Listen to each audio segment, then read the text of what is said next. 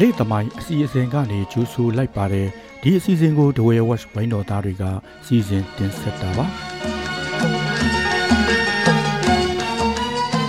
ဒီတစ်ပတ်မှာတော့စာရေးသူကိုဆန်းရဲ့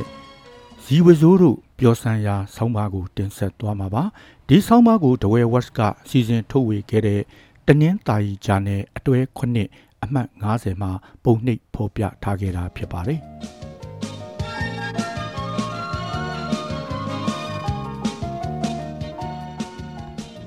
ဇီဝစိုးတို့ပျော်ဆန်းရာလေညာရက်ွက်ထဲသို့ခြေချလိုက်မိသည်နှင့်ဟိုနာတကြွီကြွီဒီနာတကြွန့်ကြွန့်ဖြစ်ရက်ွက်လန်းတစ်လျှောက်အတိုင်းသားကြားရသည်ရက်ွက်နှစ်ခုပေါင်းလျင်အင်ချေ300ခန့်ရှိသည့်ရင်းနေရာတွင် လွန်ခဲ့သည့်10နှစ်ကျော်ကထူအတန်မျိုးမကြားရတတ်ပုံမှန်တိုင်းကွန်းဆိုင်သူဆိုင်လေညာမြစ်တဲ့ဆင်းကရေးချိုးပစုံဖမ်းသူဖမ်းရောဘာချစ်သူချစ်ဓနိဖက်ခုတ်သူခုတ်ဖြစ် လက်လုံးမှပါဇက်လှုပ်ခဲ့ကြရသည့်အခြေအနေသည် ပြောင်းလဲသွားခဲ့ပြီဖျားသခင်က သူတို့ကို အေးအေးလူလူအိမ်နေချင်းထမင်းစားနိုင်ရန်အတွက်လက်ဆောင်တစ်ခုကိုချပေးခဲ့သည်ရင်းလက်ဆောင်ကဇီဝစိုးငှက်ဗုတ်ပြင်းမြို့နယ်မှာတော့ရွာတိုင်းလိုလိုခုဆိုရင်ဒီအလုပ်ပဲလုပ်လာကြပြီဟုငှက်မွေးမြူရေးလုပ်တဲ့ဆယ်နှစ်နီးပါးရှိသည့်ကိုဖြိုးစော်တက်ကပြောသည်သွာလာလေပတ်ရန်နေရာသိမ့်မရှိဘဲ နောင်မယ်နှင့်လိုက်ဖက်စွာပင် ပြင်းစရာကောင်းသည်ဟု အခြားဒေသခံအချို့ကစနောက်ပြောဆိုလေးရှိသည့်ဗုတ်ပြင်းသည်ဇီဝစိုးငှက်များအတွက်တော့ပြင်းစရာမဟုတ်ပျော်ဆန်ရာနေရာတစ်ခု ဖြစ်နေသည်ဗုတ်ပြင်းမြို့နယ်သည်တဘာဝအရတောတောင်ထူထပ်သည့်ဒေသတစ်ခုဖြစ်သည်ရင်းကပင်ဇီဝစိုးငှက်များမွေးမြူလောက်ကန်ရန်အခြေအနေကောင်းတစ်ရပ်ဖြစ်နေသည်မြို့ပြနှင့်စာရင်တောနယ်နီးစပ်တဲ့နေရာက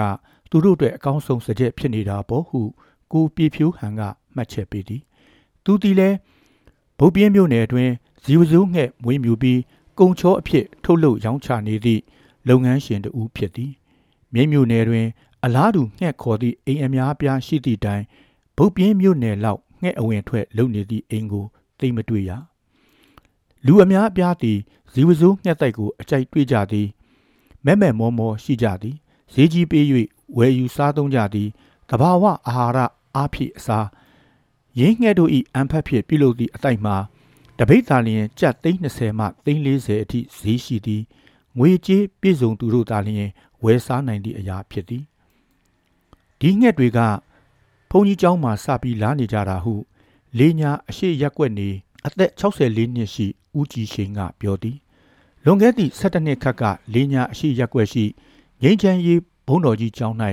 ပထမ်းပွဲကျင်းပနေစဉ် အဆိုပါငှက်များလာရောက်၍ကျောင်းမျက်နှာကျက်တွင်စတင်နေထိုင်ခဲ့ကြောင်းအသက်64နှစ်အရွယ်ဦးကြည်ရှိန်ကပြောသည်အစာဦးတွင်ဇီဝစိုးငှက်ဟု၍သူတို့မသိခဲ့ကြမြည်သည့်ငှက်ဟုလည်းမသိငှက်များနေထိုင်ပြီးသိမ့်မကြာသို့အမိုးအပူရှိန်ကြောင့်ငှက်တချို့တေဆုံးသွားသဖြင့်၎င်းတို့နေထိုင်ရန်တစ်လျော်သည့်အခြားအဆောက်အုံတစ်လုံးကိုဂောဘကအဖွဲ့ကပြုလုပ်ပေးခဲ့သည်ရင်းနောက်တဖြည်းဖြည်းနှင့်ရက်ွက်အတွင်းရှိအိမ်အချို့တွင်လည်းရင်းငှက်များ လာရောက်နေထိုင်လာကြသည်ဇီဝစိုးငှက်တို့သည်တနင်္သာရီတိုင်းကမ်းရိုးတန်းဒေသတွင်တဘာအဝအတိုင်းရှင်သန်နေထိုင်ခဲ့ကြသည်တောတောင်များလှိုင်းကူးများတွင် အတိုက်ဆောက်ကြသည် အတိုက်သည်ခွန်အားကိုဖြစ်စေသည့်ဆေးဖက်ဝင်ပစ္စည်းအဖြစ် လူများစွာကတန်ဖိုးထားမိဝဲကြရာရင်းအတိုက်ကိုရှားဖွေရောင်းချရင်းဈေးကွက်တစ်ခုကဲ့သို့ဖြစ်လာခဲ့သည်မှာလွန်ခဲ့သည့်နှစ်များစွာကပင်ဖြစ်သည်ယခုဆိုလျှင်ငှက်တိုက်မှရရှိသည့်ဝင်ငွေသည် တနင်္သာရီတိုင်း၏အဓိကဝင်ငွေတစ်ခုဖြစ်နေသည်လွန်ခဲ့သည့်ဆယ်စုနှစ်တစ်ခုကျော်ကမှဇီဝစိုးငှက်တို့အကြောင်းမသိခဲ့တော့လဲယခုအခါတွင် လေညာရက်ွက်အတွင်းရှိ နေအိမ်များ၏အပေါ်ထပ်သည်ရင်းငှက်များအတွက်တိသက်နေအိမ်များဖြစ်သွားကြပြီတနည်းအားဖြင့်ဇီဝစိုးငှက်မွေးမြူရေးခြံများဖြစ်သွားကြပြီအိမ်အပေါ်ထပ်တွင်ငှက်တို့နေထိုင်ပြီးအောက်ထပ်တွင် လူများကနေထိုင်သည်တတ်နိုင်သူများကမူ ငှက်တို့အတွက်တိသက်အဆောက်အုံဆောက်လုပ်ပေးထားသည်ဦးကြည်ရှိန်သည်လည်းတနိုင်တပိုင်မွေးမြူသူတဦးဖြစ်သည်ဇီဝစိုးငှက်များ၏တဘာဝသည်အေးပြီးမှောင်နေသည့်နေရာကိုသဘောကျနှစ်ချိုက်ကြသည်ယင်းအတွက်အဆောက်အအုံများကို ပြင်ဆင်ပေးကြရသည် အချို့ဆိုလျင်ကြက်သိန်းရာနှစ်ချီ၍ကုန်သည်ငှက်ကလည်းမျက်နာလိုက်တာ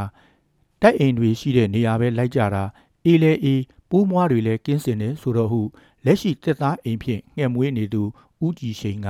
ရဲရင်ပြောသည်ဇီဝစိုးငှက်များနေထိုင်ရန်အိမ်တစ်လုံးဆောက်ပြီးအ ਨੇ ဆုံးနှစ်နှစ်ခန့်အချိန်ပေးရသည်ငှက်များဝင်ရောက်နေထိုင်ပြီးပြီးချင်းအတိုက်ကိုခွာယူ၍မဖြစ်ရင်းသို့လှုပ်လျင်ငှက်များကနောက်ထပ်မလာကြတော့ဇီဝစိုးငှက်တိုက်သည် အမကဥဥခါနီအချိန်တွင် အဖိုးဖြစ်သူက သူ၏အံဖတ်ဖြင့်ဆောက်လုပ်ပေးခြင်းဖြစ်သည်ငှက်သားပေါက်ကလေးများအတောင်လက်ဆုံ၍ပြန်တိုင်းနိုင်ပြီဆိုမှ အတိုက်ကိုခွာယူရသည်ငှက်မွေးသူများအနေနှင့်အချိန်တစ်လခွဲမှနှစ်လသုံးလအကြာတွင်တစ်ကြိမ်ငှက်တိုက်ခွာယူလိရှိကြသည် အချို့ကအစိတ်သား30သားအချို့ကတပိတ်သားအထိရတတ်သည်ကုံချမ်းတပိတ်သားလျင်ရွာပေါက်စေး15သိန်းခန့်ဈေးရှိပြီးဗုတ်ပြင်းမြို့တွင်တွားရောက်ရောင်းချကြသူများရှိသလိုမြိတ်နှင့်အခြားမြို့များမှလည်းလာရောက်ဝယ်ယူကြလိမ့်ရှိသည်သို့သောငှက်တိုက်မှာတစ်နှစ်ပတ်လုံးရရှိနေသည်တော့မဟုတ်ပေ ငှက်များသည်မိုးရာသီတွင်သာလာကြပြီးနွေရာသီရောက်သည့်အချိန်မလာကြတော့ဇီဝစိုးငှက်တို့အနေနှင့်တဘာဝအလျောက်လာရောက်နေထိုင်လေရှိခဲ့တော်လဲနောက်ပိုင်းတွင်စီးပွားဖြစ်မွေးမြူသူများကအီလက်ထရောနစ်နည်းပညာဖြင့်ပြုလုပ်ထားပြီးဇီဝစိုးငှက်တံမြည်စီသည့်ပစ္စည်းများကိုအသုံးပြုကာငှက်များကိုခေါ်ယူလာကြသည်ငှက်တိုက်လုပ်ငန်းသည်မျိုးမျိုးမြက်မြက်ရှိတော်လဲလွယ်လွယ်ကူကူတော့လဲမရှိလာပါငှက်တူအားမွေကြွက်တောက်တဲ့ပရွက်စိတ်နီ ဒေသခေါ်ပရွက်ယူနှင့်ချစသည်တို့၏ဘေးအန္တရာယ်မှအမြဲမပြတ်ကြည့်ရှုကာကွယ်နှိမ်နင်းပေးရသေးသည်ဒီကောင်တွေကငှက်တွေရောဥတွေပါ စားကြတာဟု ကိုဖြိုးစော်တက်ကဆိုသည် ပြောနေစဉ်တွင် ကော်စိတ်ဖြင့်ပြစ်ခတ်သည့်ကလေးကစားစရာတနတ်ကိုကင်ပြသည်ထိုတနတ်ဖြင့်ခြောက်လိုက်ရသည်တောက်တက်ကအဆိုးဆုံးရန်သူပဲထို့အပြင်ဇီဝစိုးငှက်မွေးမြူရေးလုပ်ငန်းများကိုအစိုးရကလည်းထိန်းချောင်းကြက်မှတ်ထားသည်မွေးချင်တိုင်းမွေးရမရ တက်တော်ဦးစီးဌာနနှင့်စာချုပ်ချုပ်ဆိုကာတတ်မှတ်စည်းကမ်းချက်များနှင့်အညီလုတ်ကန်ရခြင်းဖြစ်သည်စာချုပ်တွင်ငှက်တိုက်ကိုသားပေါက်ရာသီတွင်ငှက်တိုက်ထုတ်မယူရန်အရွယ်အစားတလက်မခွဲကြုံလျင်လဲမထုတ်ယူရန်စသည့်တားမြစ်ချက်များပါဝင်သည်မဟုတ်လျင်တောရိုင်းတရိษံကာကွယ်ရေးဥပဒေဖြင့်အရေးယူခံရနိုင်သည်တနင်္သာရီတိုင်းဒေသကြီးတက်တော်ဦးစီးဌာနစီရင်များအရ တိုင်းအတွင်းဇီဝစိုးငှက်တိုက်စုဆောင်းထုတ်ယူခွင့်လိုင်စင်စာချုပ်ရှိသည့်အိမ်အီအတွက်မှာယခုနှစ်အတွင်း400နီးပါးအထိရှိလာပြီးတဝယ်တွင်4ခုမြိတ်တွင်190ခုတနင်္သာရီတွင်18ခုကော့တောင်းတွင်23ခုနှင့်ဗုတ်ပြင်းတွင်138ခုရှိကြောင်းသိရသည်ငှဲ့ဝင်ပြီးဆိုလျင်တော့အခြားအလုပ်လုပ်เสียမလိုတော့ဘူးမိသားစုကောင်းကောင်းထိုင်စားလို့ရတယ်ဟုကိုဖြိုးစော်တက်ကပြောသည် ခုနားဆင်ကြကြတဲ့ဆောင်းပါကတော့စာရေးသူကိုဆန်းရဲ့ဇီဝစိုးတို့ပြောစမ်းရာဆောင်းပါဖြစ်ပါတယ်အခုလိုနားဆင်ပေးကြတဲ့အတွက်ကျေးဇူးအထူးတင်ရှိပါတယ်ခင်ဗျာ